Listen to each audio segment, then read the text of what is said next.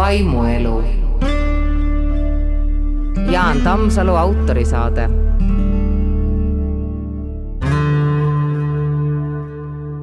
taas üks vaimuelu saade ja selle saate alustuseks leidsin tänase saatekülalise loomingust ühe sobiliku pealkirjaga mõtiskluse Vaim peal. mul oleks justkui Jumal põues, õnnetunne, õhin, olen õues, olen maal, milline hommik, hoidku taevas, ole tänatud tänase eest, päike pea kohal, isa oma istumise all ja lilled-linnud nii ligidal. silmi on mul seitse paari, kõik kohad kõrvu täis, ninad nelja kaare poole, hing on pingul, põues põleb. näen ennenägematut, kuulen ennekuulmatut. kevadlõhnad tulevad sõõrmetes sisse. Seda minutit ei tohi mõõda lasta. värvid välja, pintslid, pliiatsid ja paber, lõngad, lõimed ligemale.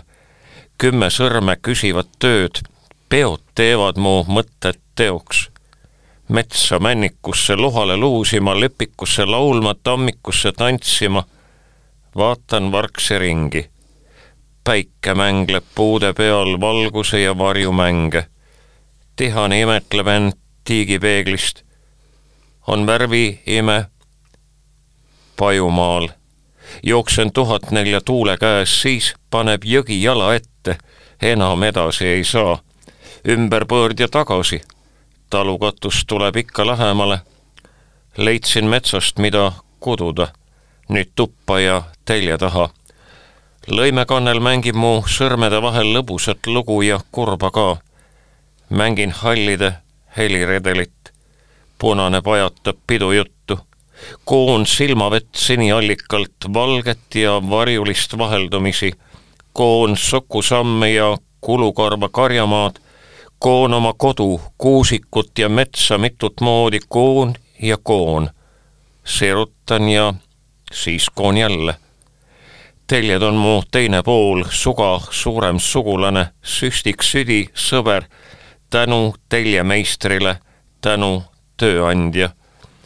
nii on kord kirjutanud mu tänane saatekülaline, akadeemik ja taluperenaine, vaibakunstnik ja koguja õppejõud ja kirjanik Anu Raud. tere, Anu, tore, et tulid. tere. tulid Viljandimaalt siia rahutusse pealinna, siia stuudiosse. Miks sa tulid, miks seekord tulid? sellepärast, et sina kutsusid. no näed, kui lihtne see ongi. kutsud ja inimene tuleb kaugelt Viljandimaalt siia segasesse Tallinna linna. lihtsalt kutsud ja tuled. paljud inimesed pole vist kutsunud, sellepärast mõned ei tulegi. aga meie sõprus Anuga on kestnud üle poole minu elueast. oleme palju koos olnud, palju koos rääkinud, unistanud, plaane pidanud ja ühe paksu raamatugi ühiselt välja andnud, seepärast sinatame. Anu ma imestan ikka, kuidas sa kõike seda, mida sa teed, teinud oled, kuidas sa seda kõike jõuad? kus sa oma jõu ammutad? sa just ise praegu eh, lugesid ühe loo, et sealt ma ammutangi oma talust, oma nelja seina vahelt ja väljapool nelja seina, kõigest sellest ilust ja sellest ümbrusest ja maast ja taevast nii et äh, sellest täitsa piisab? no võib-olla on veel midagi väga vägevaid jõuallikaid, aga, aga minu jaoks piisab. kuidas see suvi sul läinud on, kas on olnud, kas on olnud ilus suvi?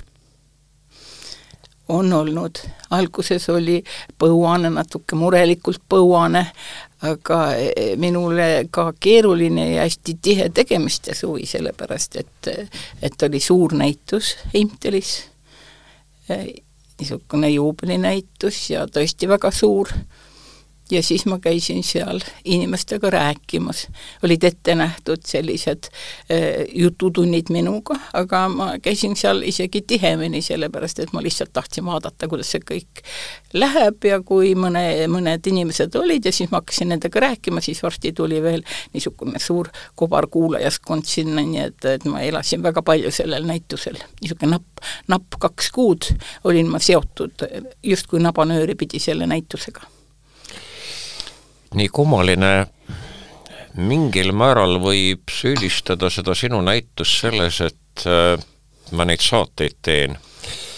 Urmo Soomvald, peatoimetaja, rääkis mulle ausalt ära, kui me esimest korda kohtusime, kui ta mind kutsus, et mulle tööd pakkuda, sedasama Vaimuelu saadet ja ütles, et ta oli tulnud sinu näitust vaatama ja kui ta oli esikus olnud, oli ta kuulnud mu häält ja ma olin parasjagu küsinud rahvalt, kes oli minu ümber kogunenud, sa kutsusid või palusid ka mind seda näitust ühel korral nii-öelda kiidindama ja ma olin parasjagu selle koha juures, kujutage ette, nüüd Delfi peatoimetaja hakkab sisse astuma ja mina küsin rahva käest, mis sarnasus on inimesel ja kärbsel ja ütlen, et mõlemat on võimalik ajalehega maha lüüa.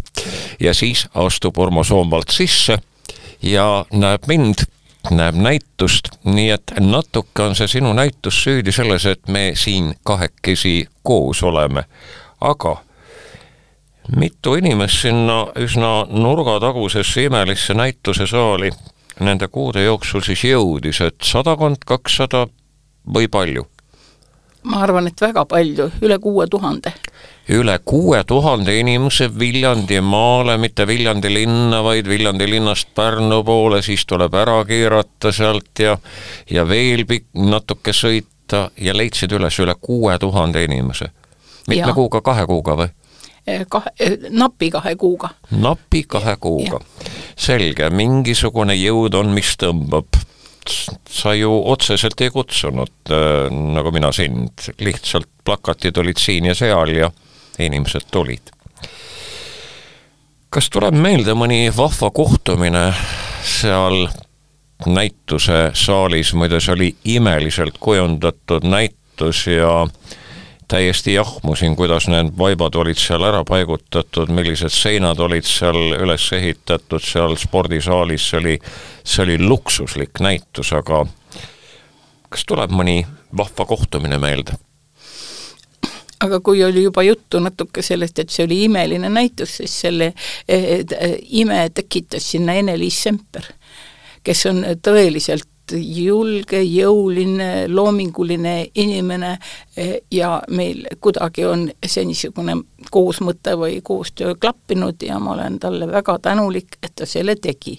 ja tegi mm, just sellepärast, et ma nii kõigest hingest tahtsin teha näitust oma kodukohas, sellepärast et mul on olnud ju Tallinnas, e, ka Viljandis on olnud muidugi ju Tartus ja välismaal näitusi, aga need kohalikud teavad, aa jaa, Anu Raud seal elab ja on, aga, aga täpselt mida ja kuidas ja, ja tundus, et see läks ka kohalikele väga korda.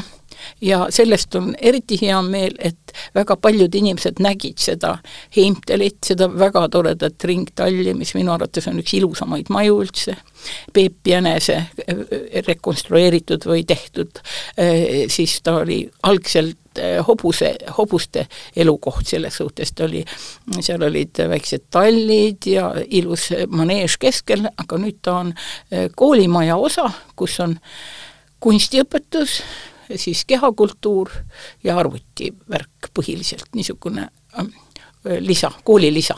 ääretult ilus, äh, ilusasti üles ehitatud asi ja, ja aga nüüd taas seesama küsimus veel kord, et kas mõni, mõni põnev kohtumine ja mõni põnev ütlemine jõhus selle näituse ajal, kui sa seal peaaegu et elasid no oli näha, et see täitsa puudutas, liigutas inimesi, et kui ma vahel ka ukse pealt tulin ja keegi tuli juba näituselt, siis nad olid ääretult rõõmsad ja ütlesid, et imeline ja missugune helgus on hinges ja ja, ja niimoodi, aga mis oli väga tore, et see oli ju koolimaja. Ja, ja siis oli, kui koolist kell välja helises vahetundi, siis silkasid sinna teismelised lapsed ja vaatasid seda näitust ja vahel ka veel väiksemad ja vahel ma hakkasin neile midagi rääkima, siis nad ilusti viisakalt ütlesid, oi vabandust, aga nüüd me ei saa enam kuulata, nüüd tundi, kell helises tundi sisse ja siis nad jooksid jälle tundi tagasi. nii et nad minu arvates väga palju neid, nende sama, sellesama kooli õpilasi veetis seal oma, oma vahetunde, tunni vahetunde seal näitusel. ja vaevalt, et neid kuue tuhande hulka loeti no, no neid eh, küll, ma, ma arvan, sellepärast ja millest mul väga hea meel oli, et eh, see lähi sün-, lähi naabrus ja Heimtali küla ja kohalikud olid tasuta sissepääs, mis aitas ka. Ja tõepoolest nad seal käisid, olid ja kui sa vahel nägid ühte väikest tüdrukut, kes läks ühe mm, vaiba juurde õhtuvalgus, kus oli ilus roosa taevas ja siis ruttu jooksis sinna kassa juurde ja ostis selle postkaardi selle vaibaga, ütles, et nii ilus roosa taevas, ma ostan selle. niisugune aga rääkimata no selles suhtes mul ei tulegi meelde, et väga palju on kirjutatud külaliste raamatusse, mitu külaliste raamatut lausa täis kirjutatud, kus on tõesti niisugune rõõm ja tä-, tänutunne ja niisugune ütlemine ja võib-olla üks niisugune eh, kirjutus mulle jäi hästi meelde, ütleks, et et, et noh, et Anu Raudtee olete eh, kujutanud nende oma vaipades kõiki neid asju, mis on Eesti rahvale kõige olulisemad. no nagu sel-, et, et nagu iva või oluline on välja toodud ja sellest oli mul hea meel, ma arvan, et nii, mingil määral see nii on võib-olla sellises äh, nurgataguses kohas näituse, sellise suure näituse tegemine on ka selles mõttes väga, väga tark, et kui kuskil Tallinnas või Tartus on inimesel võib-olla ühe päevaga kümme erinevat tegemist ja tal on kiire, on nagu koolilaps, kellele kell jälle helistab ja kuskil nutiseade teatab, et kui järgmisse kohta on vaja minna, aga kui sa oled juba sinna Hemptalisse ära tulnud, siis on sul aega seal neid äh, neid äh, vaipu vaadata, palju neid üleval oli seal sel korral? Äh, seal oli kuuskümmend vaipa üleval mm. -hmm. no nii, aga nüüd üks kanga seadmise laul, mille on su ema inglise keelest tõlkinud. õnnistav suuremeelne pealikute pealik mu telki ja kõike, mis mu ümber. õnnista mind igas mu töös aita ja kaitse mind, kuni ma elan. iga paharäti ja vaimu kõige kurja ja mure eest kaitse mind, o sina, mu abimees, kuni ma viibin siin elavate maal. Maarja nimel, kes mahetegudes, Kolumba võimsa ja õiglase nimel, õnnista sisse mu teljepõsed ja postid, kuni ma esmaspäeval alustan mu teljed allalauad, soalaad ja süstik, ta sugalõim ja tapikiilud, ta kangapoom ja lõimepoom, ta vahelik, ta kangapalmik ja iga kudu must või helevalge, hallpruunikas või punaruutu, need õnnistatud olgu igal pool. Ja iga süstik lõnga läbi lõime kandev, siis julgelt võin ma jätta oma telje seni kui esmaspäeval tõusen. küll kaunis Maarja mind siis kaitseb, mind aitab üle igast tõrkest. kas selle palvega, vana keldi palvega oli nii, et ema teadis kõiki sõnu või küsis sinu käest ka midagi? No ikka mina olin natuke kaastõlkija, aga kuna me oleme, olime väga hästi, saime läbi ja tore oli koos elada ja olla ja tööd teha ja huvi tunda ühe või teise asja vastu, siis ma mäletan ka seda, et ema kudus mu väga tuntud vaipa kodutuled ühe talu katuse ja kui mina, tema aitas mulle ühe talu katuse kududa, siis ma tegin jälle, aitasin vastu tal seda, seda kudumise palvet tõlkida ääretult, ääretult, ääretult ilus koostöö. sul on olnud su loomingus suuri näitusi Tallinnas ja Tartus ja Heimtalis kus vaipadest on olnud jah, kuuskümmend kuni võib-olla üle sajagi vaiba seintel. Kas sa tead, kui palju vaipu oled sa elu jooksul välja mõelnud ja üksi või koos abilistega kudunud, kui suur on see suurusjärk selle lühikese elu jooksul? Ma arvan, et, et need niisugused aeganõudvad eh, vaibad, no ütleme, niisugused eh, põimevaibad, eh, Copperland tehnikas vaibad, neid vast on ka ikkagi üle saja, võib-olla sada kakskümmend. Mhm. aga kui sinna juurde lisada sellised asjad, mis on praegu, ma teen põrandavaipu ja nöörvaipu, mida ma ise nimetan mulgikuue graafikaks, kus on sellised kujundid joonistatud, võib-olla naljakad või leidlikud kujundid, siis ma arvan, et see hakkab liginema äkki kahesajale. küllap on nii, et äh, mitte kõik sinu kavandid ei ole saanud seinavaipadeks. mis nendest kavanditest saab, mis seinavaibaks ei, ei jõua? nüüd ongi selline lugu, et eh, mul kuidagi võib-olla eaga ja tervisega on tulnud natukene niisugune ütleme, tõkkepuu ette nende vaipade tegemisel ja, ja korra-, nende tegemise korraldamisel isegi, ja siis eh, tuli selline mm, puhk, et, et hästi hakkas laabuma Aivi eh, Vallistega, üks töö ja see on põrandavaibad siis ma otsisin välja va oma vanad vaibad, mõned võib olla nii vanad, et, et nad on kuuskümmend aastat vanad, e, e, kuuskümmend aastat tagasi tehtud kavandid või kaunis vara, siis hakkasin vaatama, mis sobiksid põrandavaibaks. ja siis neid ka natukene ümber kohendama, vaatama, mõtlema. Ja rohkem kui aast-, Äh, aasta olen ma nendega tegelenud ja on sündinud tosin, vähemalt tosin vaipa, äh, mis äh, ja ja nendega on teistmoodi, et kui ta on välja mõeldud, neid tehakse Vändras, seal Vendre vaibakojas, ütleme, ja, ja üle viie ühtegi ei tehta, justkui autoritiraaž on neil peal, aga ja, ja kui on viis ära müüdud näiteks, siis ta lakkab olemast ja siis kaob pildilt. aga ta kusagil jääb alles, see muster kõik, et kui kunagi keegi tahab teha näitust, siis leitakse see üles, see on võimalik teha näituse eksemplar uuesti. ja neid ja need vaibad on mind väga toetanud. Lihtsalt eh, selles suhtes, et see eh, juubeliaasta on nii, et ma väga armastan inimesi kostitada ja nendega suhelda ja eh, näidata ja see nõuab ka mingisuguseid kulutusi. Ja siis ma olen olnud rõõmus ja vaba seda kõike tegema.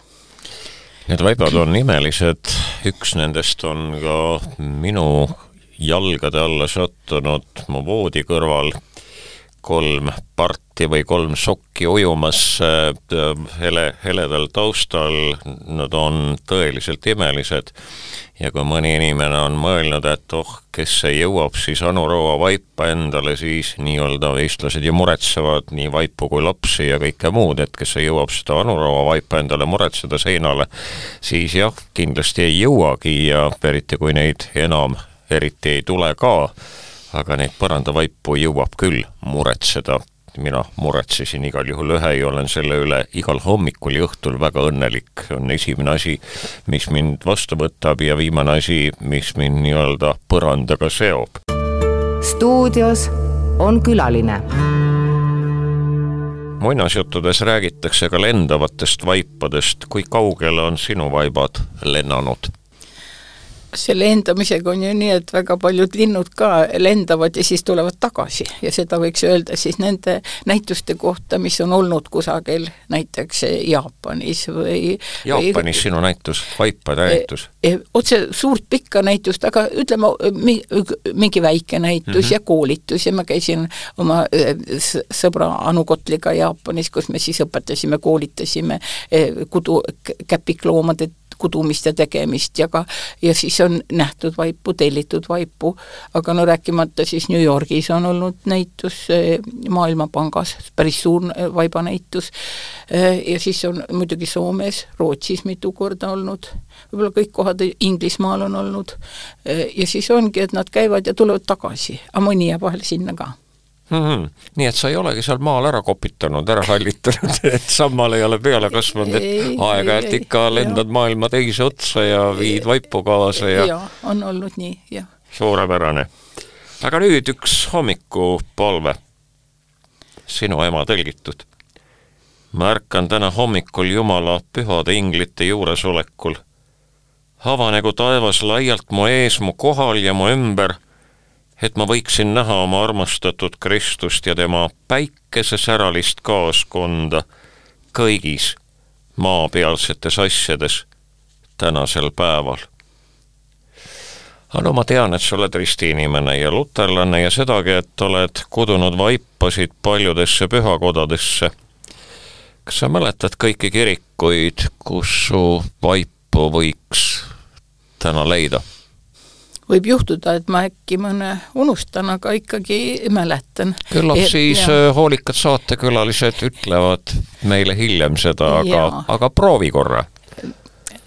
siis üt-, äh, Eestis on neid, Eestis on Tallinnas Jaani kirikus ja see on väga minule armas vaip, sellepärast et et ema veel elas, kui ma tegin seda kavandit ja arutasin emaga, et et mis sa arvad, et kuidas, et mulle väga meeldiks, et alati on Kristus ristil, aga teda ju enam ei ole, ta on igal pool mujal, aga mitte ristil, et et teeks selle risti, mis on kooldunud sellel ristil ol-, olija järgi natukene, et mm, haarad ülespoole, kus ta kuhu olid äh, käed naelutatud ja pea natukene longus ja parem, see püstiristi äh, haar on siis natukene viltu vajunud ja väiksed vermed ja veretilgad kusagil ja tume rist ja ja ema ütles, jah, see on huvitav mõte ja tore mõte ja ja ma kudusin valmis siis, kui ema oli juba läinud.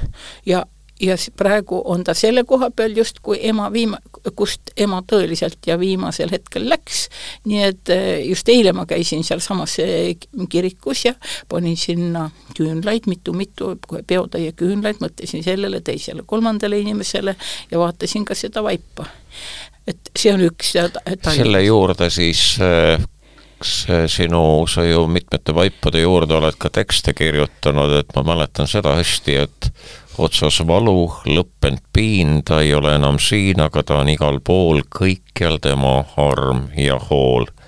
imeline vaip ja ma olen väga õnnelik, et, et üks väike koht, kuhu sa seda olid mõelnud, seda vastu ei saanud võtta ja, ja meie saime.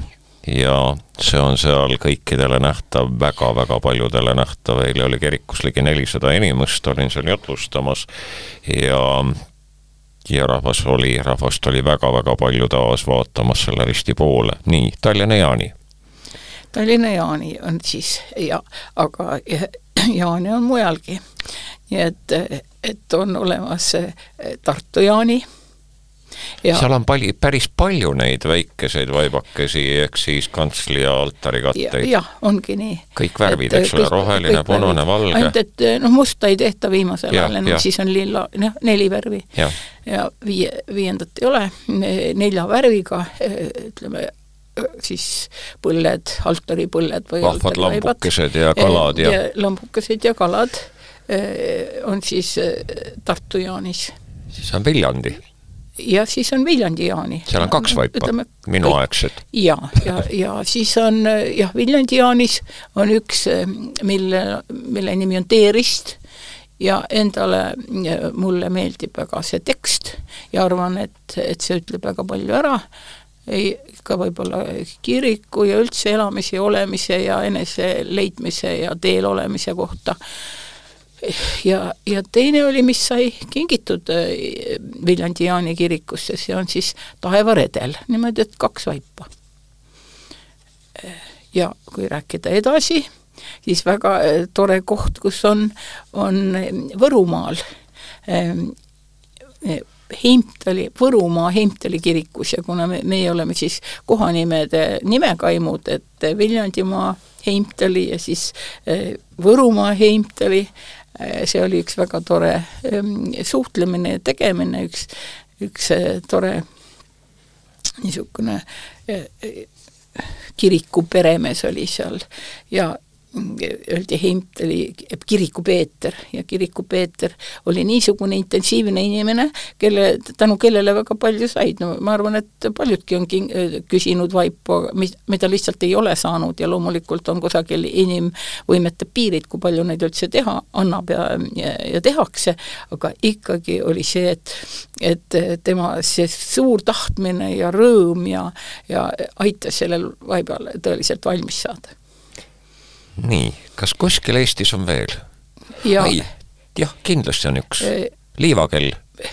jah, ja see on Vainupea kabel, see, ma arvan, et see on nagu kõige jõulisem ja, ja parem ja e, see sai tehtud natukene sellise süütunde ja, ja pika venitamise tagajärjel, mis oli seotud ka haigusega ja, ja see kuidagi inimesed praegu, mul tuli meelde, et kui see väga-väga suur tormine öö oli ja ma käin küll väga paljude inimestega läbi ja suhtlen, aga tegelikult olen ma ju üksinda ja olin üksinda ja torm arutas ja, ja kolistas ja mõtlesin, kas katus jääb peale või ei jää peale.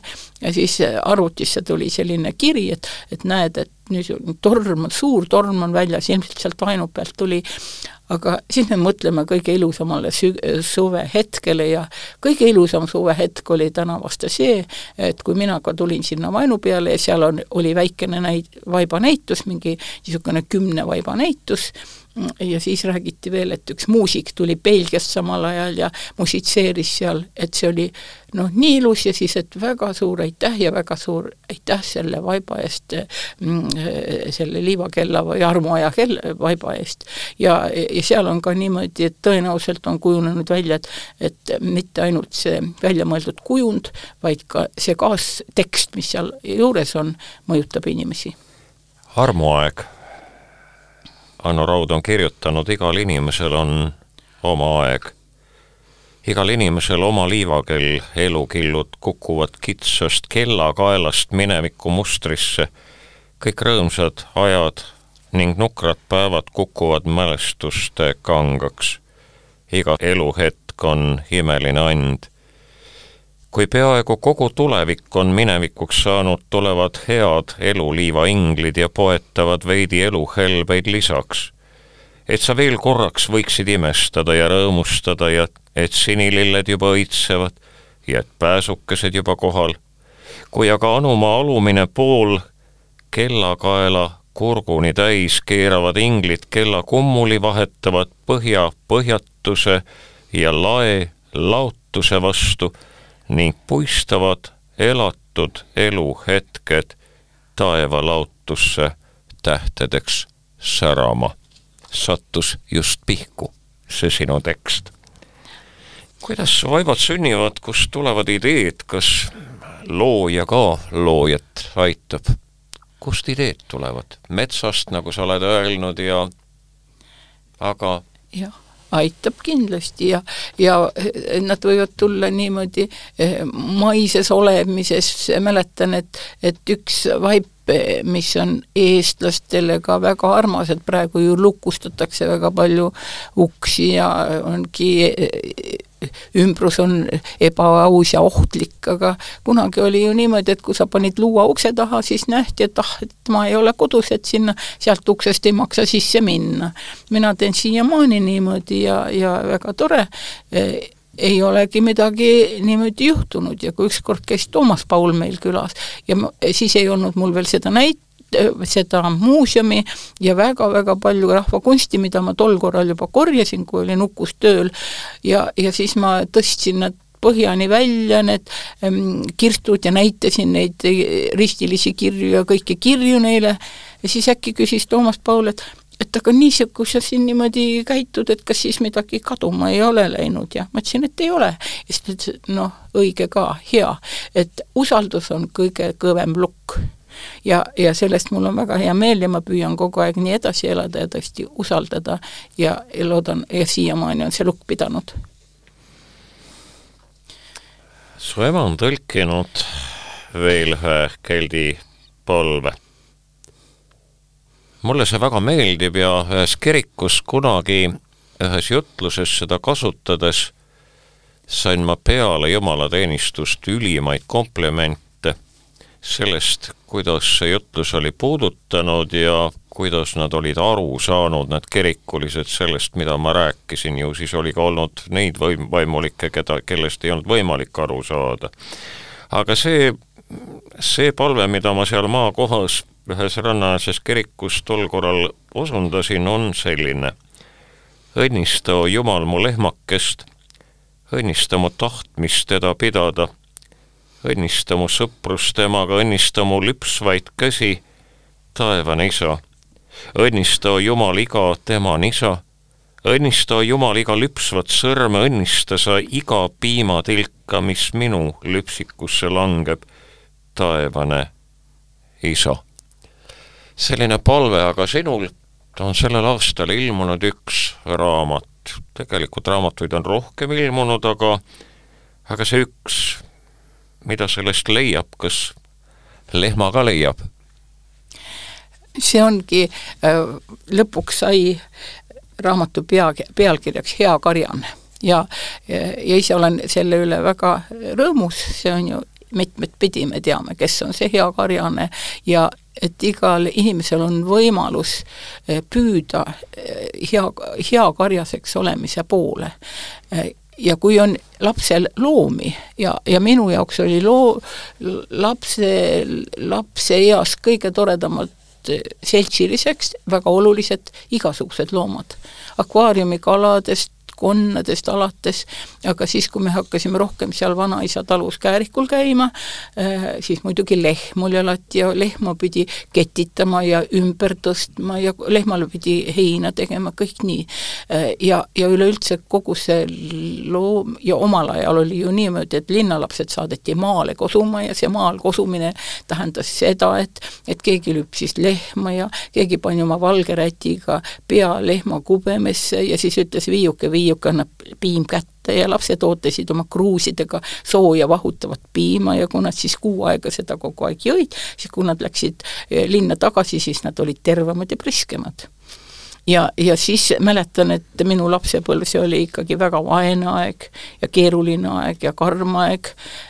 Ja, ja minu silmis on lehm Eesti rahva pühaloom, lemmikloom, kui mõelda, kui paljusid noori inimesi ta aitas käia ülikoolis, kuidas saadeti toidupakke, kuidas piimarahaga, mis oli pea, vahel ainus raha, eh, saadi natukene ehitada, kobistada, eh, lapsi toetada eh, ja, ja see, see oligi, ja lehmadesse suhtuti ka tõesti, perenaised armastasid lõpmata oma loomi ja, ja kõik see jõuluõhtul leiva andmine loomadele ja need olid, olid sellised, sellised hetked ma mäletan oma vanaema ja tema laste vahelist vestlust, tema lapsed tahtsid ju oma emale head, kui nad läksid ütlema, et vanaisa on surnud, sul mees on surnud, sa oled nüüd üksi et kuule, et see lehmapidamine on liiga raske sulle, et, et kuule, likvideeriks selle lehma ära, nii nad ütlesid, likvideeriks lehma ära.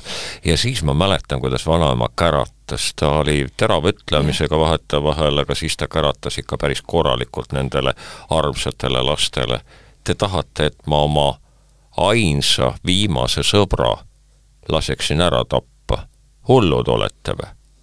see oli viimane sõber sellega räägiti juttu, just nimelt, mindi ja paitati ja räägiti juttu, silitati ja see vahutav vein, mäletan seda hästi, mina ei saanud lehmaudaratest piima kuidagi kätte. vanaema õpetas ja õpetas, aga, aga joomisega sain hästi hakkama. aga aga seal raamatus ei ole ainult lehmadest, seal on lammastest, kuna on hea karjase mm, pealkiri ja ja, ja kassidest ja koertest ja ongi loomade lood, jah? jah, ongi loomalood. Kuidas see mõte tuli, et äkki kirjutada raamat loomalugudest? lihtsalt hakkasin oma nagu vanemad inimesed hakkavad noorema põlve asju meenutama ja, ja tuli nii välja, et väga paljud eh, need mõtted on seotud loomadega ja need väga ilusad ja huvitavad mälestused on ja siis äkki ka see, et muidu ma olen kaunis korratu inimene nii oma las-, asjades kui ka igasugustes korda sättimistes, aga mõtlesin, et on lihtsam, et kui mingi teema, kui ta hakkab eh, sinu juurde tulema, et sa paned näiteks selle ühe, ühtede ka-, kaante vahele, et mis tähendab inimese jaoks niisugune loom, loomasõprus eh, ja kuna minu jaoks on siiski lambapidamine olnud kakskümmend kuus aastat järjest tõsist lambapidamist, kus võib-olla kevadeks oli sajapealine kari ja ja kuskil sügisel oli neid viiskümmend ja pärast ikka püüdsin veel natukene tagasi saada ja mõnedki lambad pidada, aga, aga no nüüd ongi niimoodi, et eh, rahvusloom hunt on võtnud eh,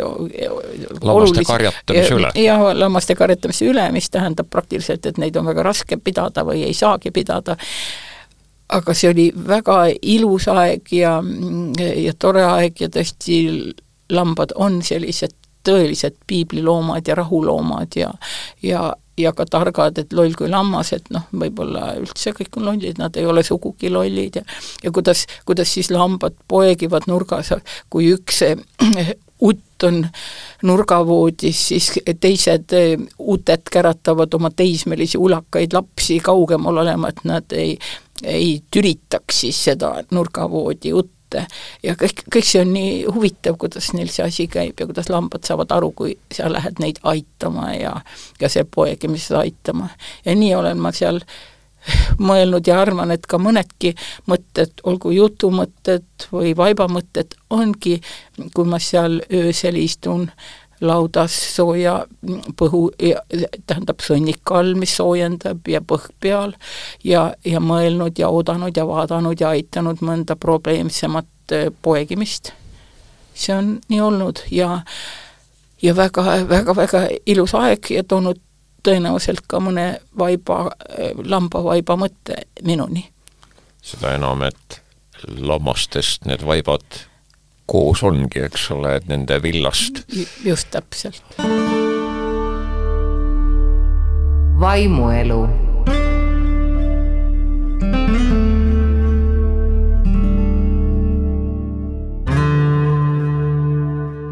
olin hiljaaegu just ühel Saaremaa äh, lähedasel laiul kus üks mees kasvatab neljakümmend viite väga erilist lammast ja olin lamba pügamise juures, pügamine võttis aega ühel Tartu mehel umbes kaks kuni kolm minutit, ühe lamba pügamine kuni saba otsani välja.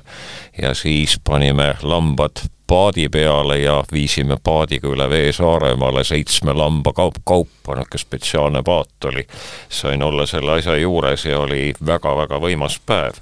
aga koerad, ma leidsin sealt ühe loo, see on mind ikka ja jälle puudutanud, selle väikese tüdruku küsimus, kas su po-, koer on ikka veel surnud ja ma loen selle korraks siit ette, ikka jäin selle loo juurde, taevakoerad, koerad. külm ja kütmata kõhe, ei ühtegi hingelist pere on hõredaks surnud. üdini üksi, uksed kääksuvad, trepid naksuvad, nurgad nutavad, iseenda hingeõhk hiilib ringi. ammu pole siin oldud, meel on mõru, ümber suu on nutuvõru, sügis südames ja aias, hall ning nukker igal pool ei taha taskust võtit võtta. viivitan viivu.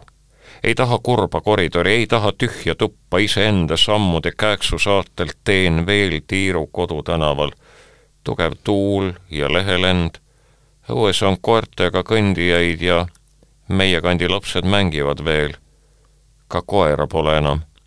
kellegi kuri silm, kellegi mürgised sõrmed. oleks temagi külma koonu ja sooja karvaga, oleks temagi tervituseks mulle rõõmsat sabatuult tegemas. kuulen tuttavaid terehääli väikestest maadligi suudest ja veidi kõrgemalt lapsed kasvavad, mis kohin. kelle vadin hiljaaegu mu vöökohal olnud hõikab juba õla kõrguselt. tean mõnda neist nime, mõnda nägupidi. Nende selikumustrid tulevad tuttavad ette tunnen oma tänavajõnglaste popjopesid ja punaseid säärikuid. üks lastest jätab kamba, tuleb mulle järele, keerab risti ette. ta on tüdruk, arvata paar aastat alla kooli. laps tõstab näo ja küsib, kuule, kas su koer on ikka veel surnud? ta tõsine üleprillipilk, ta määrdunud kõhupunn ja puusas käed panevad mind vastust andma. Kükitan, et me jutt oleks silmast silma, suust suhu. üleüldsegi mitte, ütlen talle. mu koer pole enam sugugi surnud, juba tükk aega tagasi hakkas ta taevapeniks. sa vaata seda puhevat pilve, just minu koera karv, sarri mis sarri, nii tuuline, et taevakoeral tuli takkus aga vaata hoolega, seal on veel teine taevakoer, minu Sarri sõber. Ma jutustan sulle ka temast, selle koera nimi oli Hektor. ta oli minu koerast vanem, tugev, pika kere ja musta seljaga lambakoer. ta peremees oli hipodroomi sadulsepp. see mees armastas hullu põõraloomi, iseäranis koeri ja hobuseid, parandas sadulaid ja kaarikvankri polstreid, nõelus kinni katkenud ohjarihmad tegi oma tööd hoolega ja täpselt, et ükski hobuseriist hobuse ihu ei hõõruks. Ja poole kohaga töötas ta kutsarina, sõidutas pulmalisi ja tegi pühapäeviti lastele hobureega lõbusõite. Need lõbusõidud olid tõesti lõbusad. pisikesed poisid ja tüdrukud mammad muhvidega ja papad kaabudega istusid reel, terve rõuk rahvast hobune oli ehitud ja aisakellad kõlisesid, aeg-ajalt kadusid papadel kaabud peast, lapsed, kes tee ääres vaatasid, korjasid kaabusid ja viskasid rekke.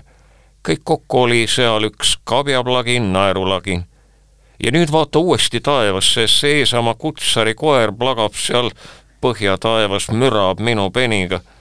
Nad olid maa peal sõbrad ja paistab, et on taevas edasi.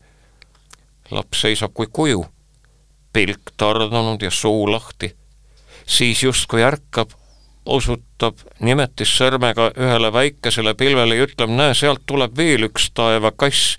näen küll, ütlen mina. tüdruk jookseb teiste juurde, mina lähen tuppa. on juba hämar. ainult loomingu taevas helendab veel, ma vist valetasin lapsele, aga soojem hakkas, õdusamaks läks olemine kuidas sa oma lemmiklooma said, Anu?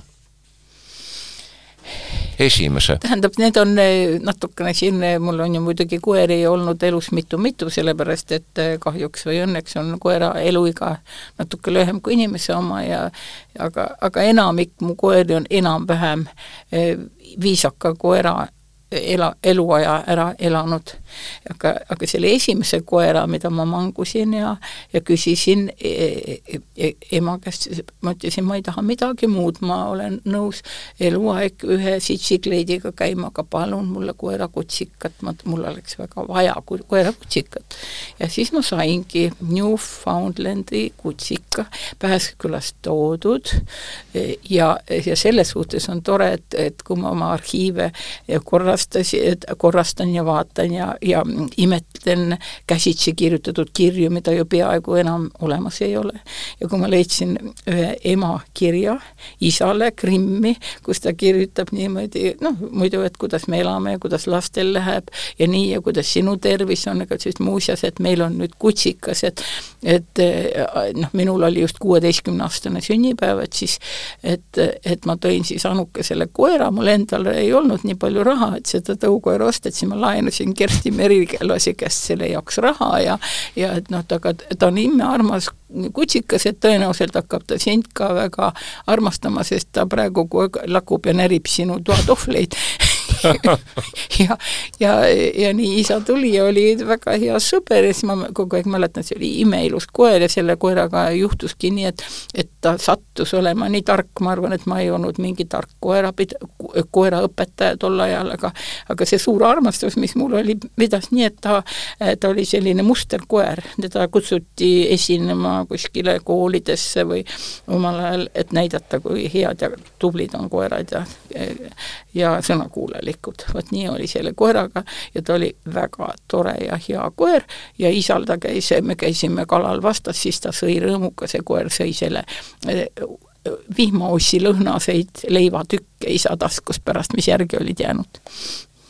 nii et sai ka isaga sõbraks ja isa väga, võttis koera ja, vastu? ja, ja ei, isa väga ja eriti, kui isa näiteks ükskõik keda toitis, siis ta sügavalt mõtles, et see oleks kõige parem ja maitsvam võimaluste piires. Karjakaitse. Siledad karjamaad, pikad ja laiad rammused, rohumaad teie jalgade all. Jumalapoja sõprus, mis koju teid toob allikaväljade juurde, allikaväljade juurde. suletud olgu teie ees iga kui mülgos, silutud olgu teie ees iga kui küngos, lageda taeva all ööd mõnusad olgu külmade mägede jalal, külmade mägede jalal. Hoolt teie eest kandku Peetrus ja Paulus, hoolt teie eest kandku Jakobus ja Johannes, hoolt teie eest kandku Helge Mõrs ja ning neitsi Maarja poeg teid vastu võtku, teid talitagu, jah, kõik nad koos teid talitagu, teid kaitsku ja tugevdagu.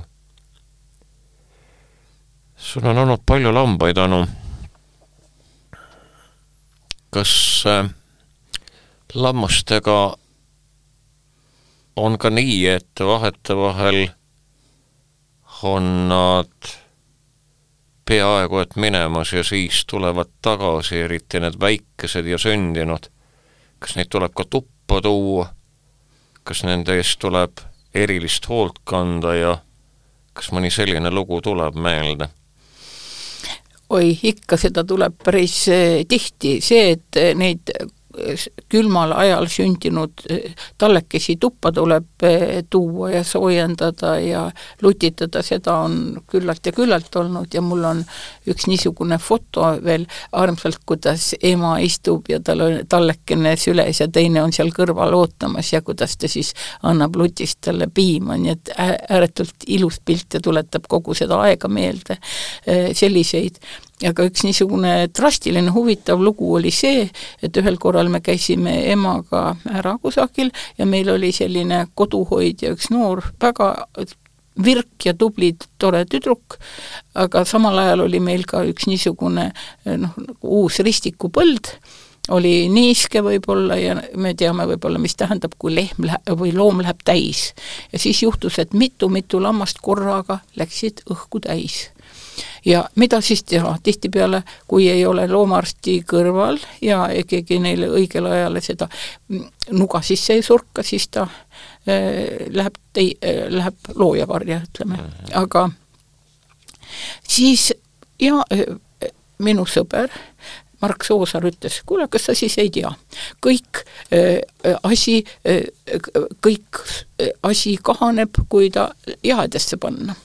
et tõmba, võta need lambad sülle, vii tiiki, pane tiigi põhja istuma ja pea taeva poole niimoodi ja kõik see soe õhk nende kõhus eh, aheneb, kahaneb. ja, ja imemisi me, seda me selle tüdrukuga tegime, ta oli tugev ja tubli tüdruk ja tegi seda kõik kaasa.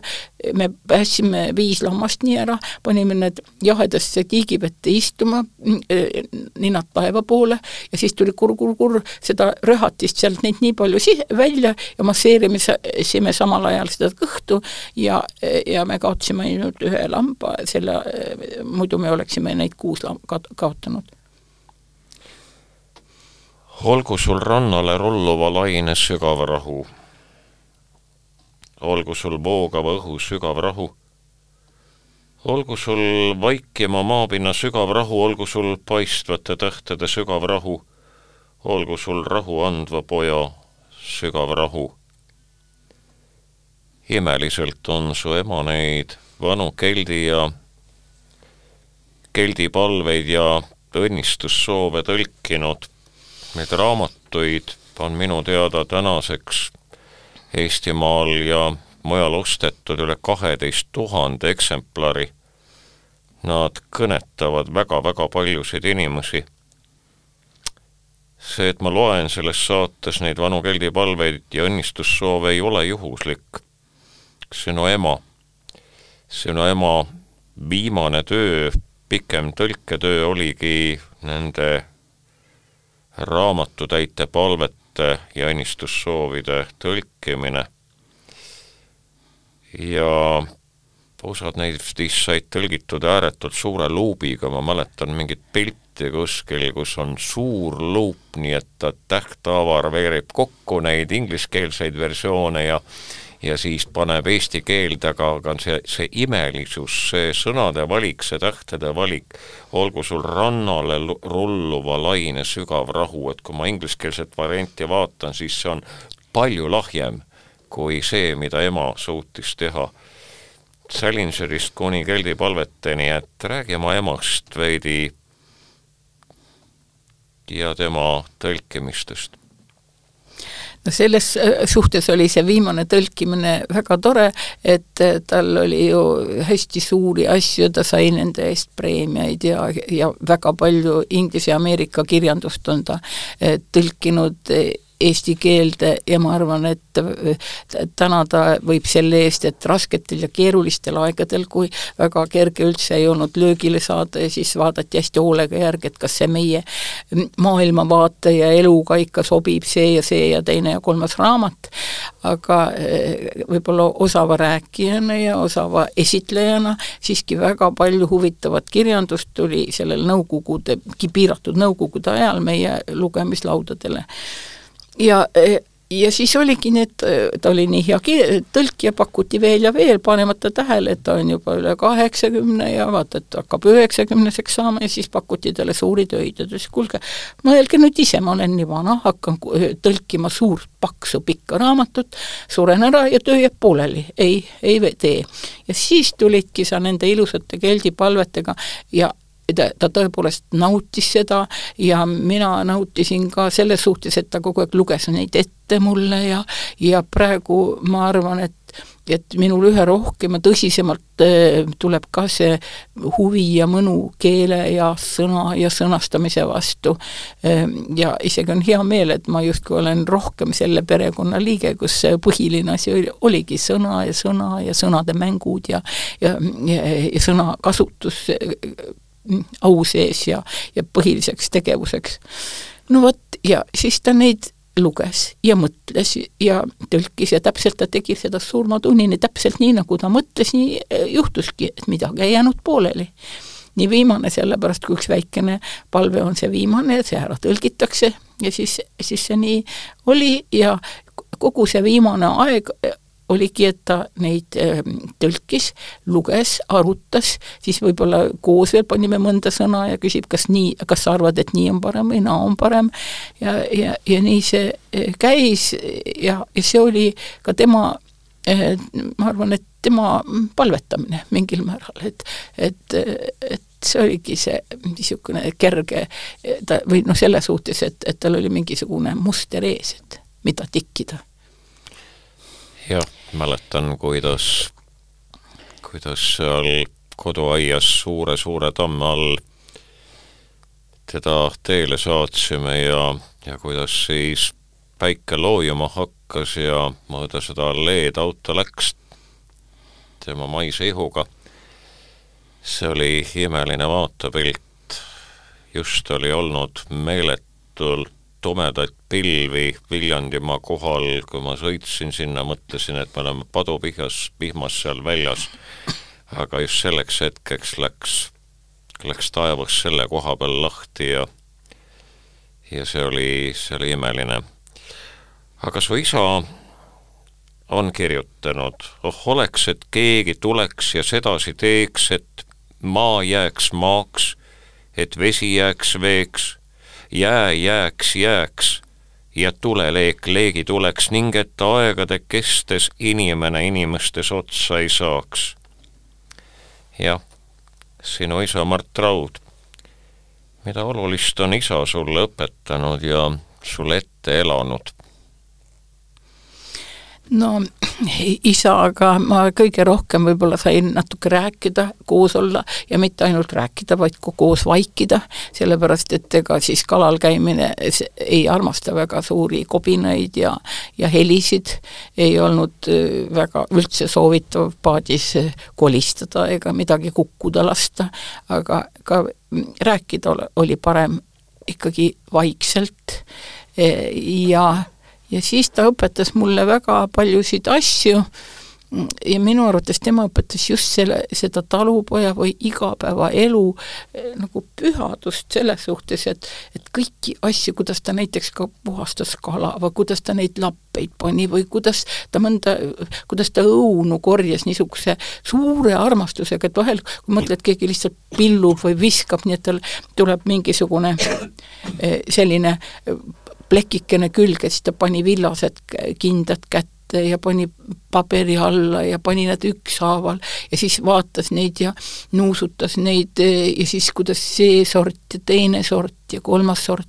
Ja praegu on eh, samamoodi, et kui pikk aeg see on isa istutatud puud, ema istutatud puud. Ja ma nii mäletan, et üks ema istutatud puu ühe suure tormiga läks pooleks.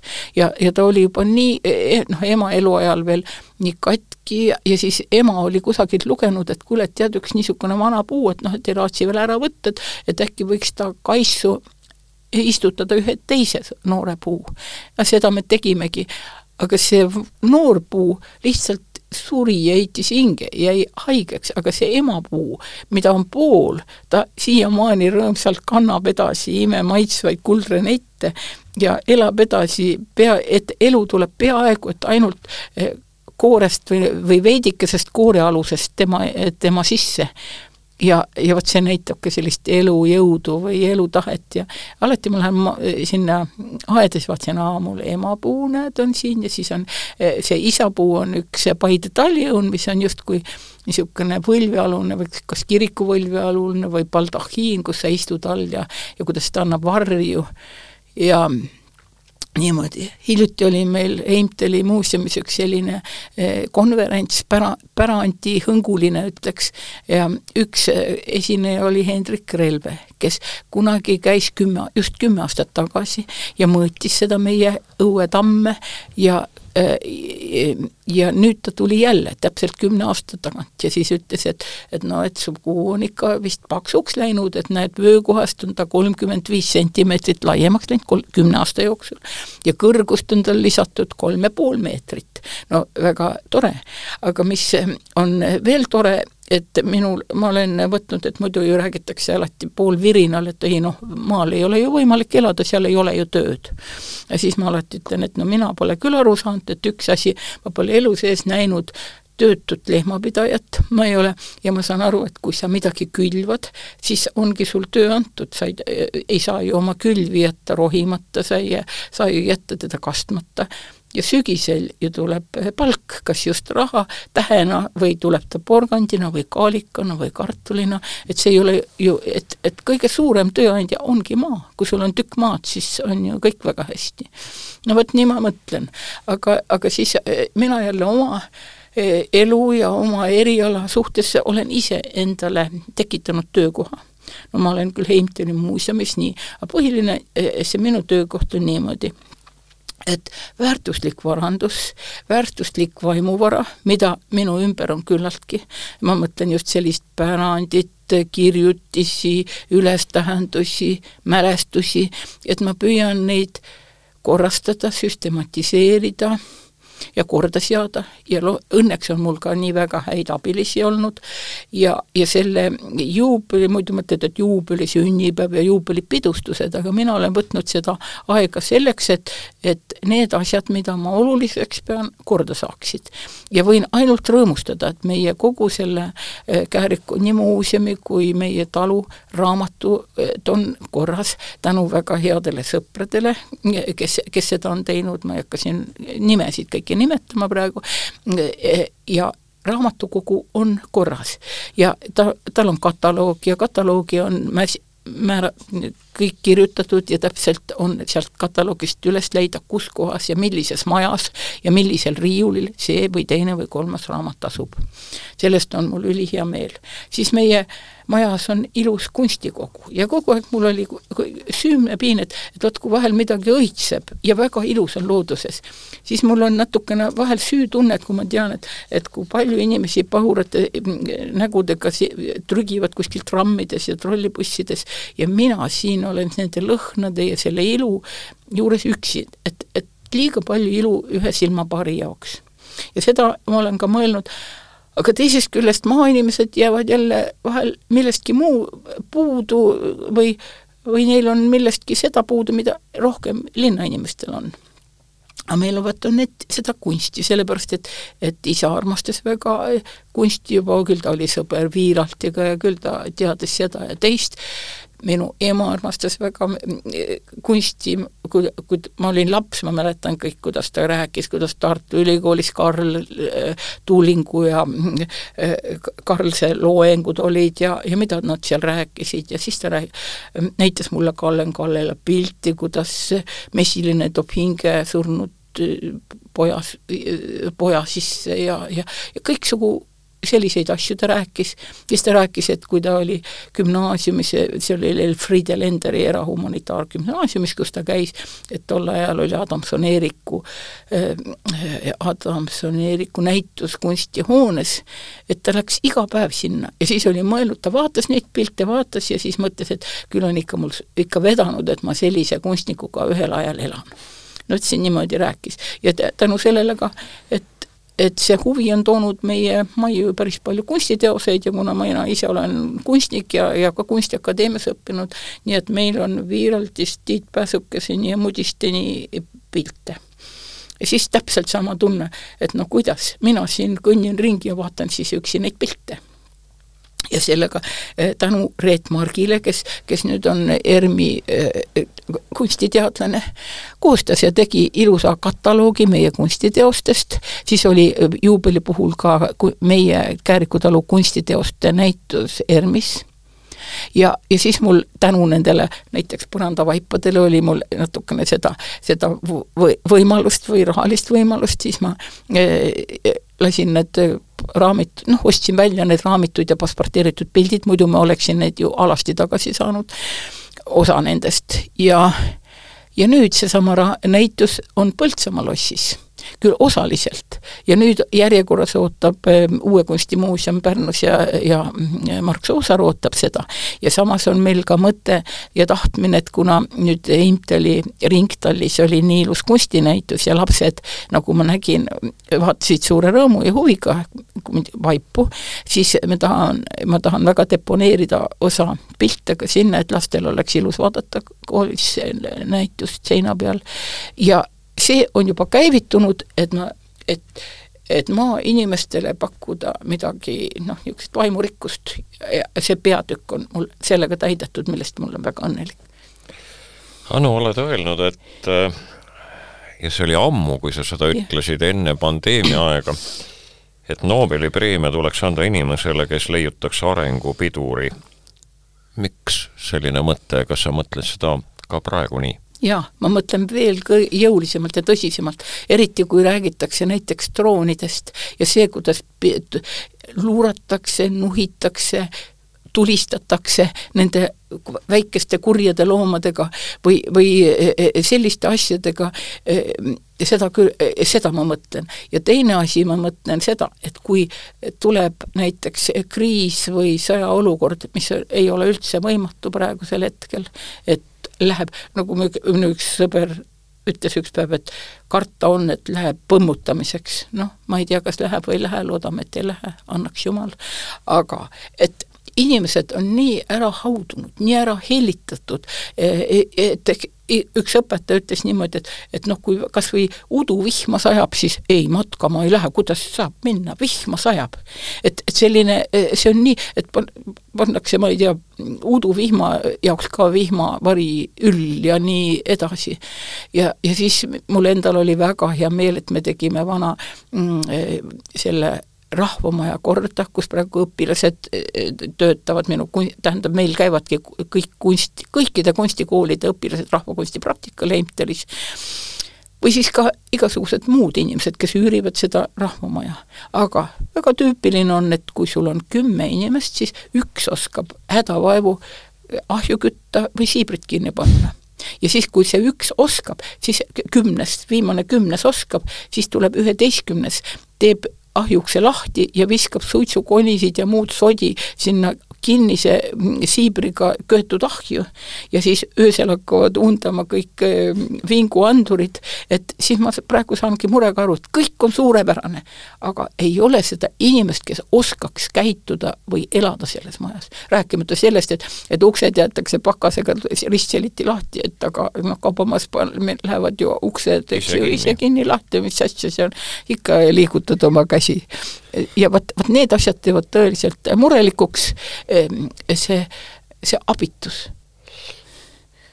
oled kord kirjutanud ühe vägeva palve, ma palun, ma palun, ma palun, muuda kõik koledus iluks, päikeselõõsk jahedaks viluks, pimedus valguseks, lõppude alguseks, argus julguseks, rumalus tarkuseks.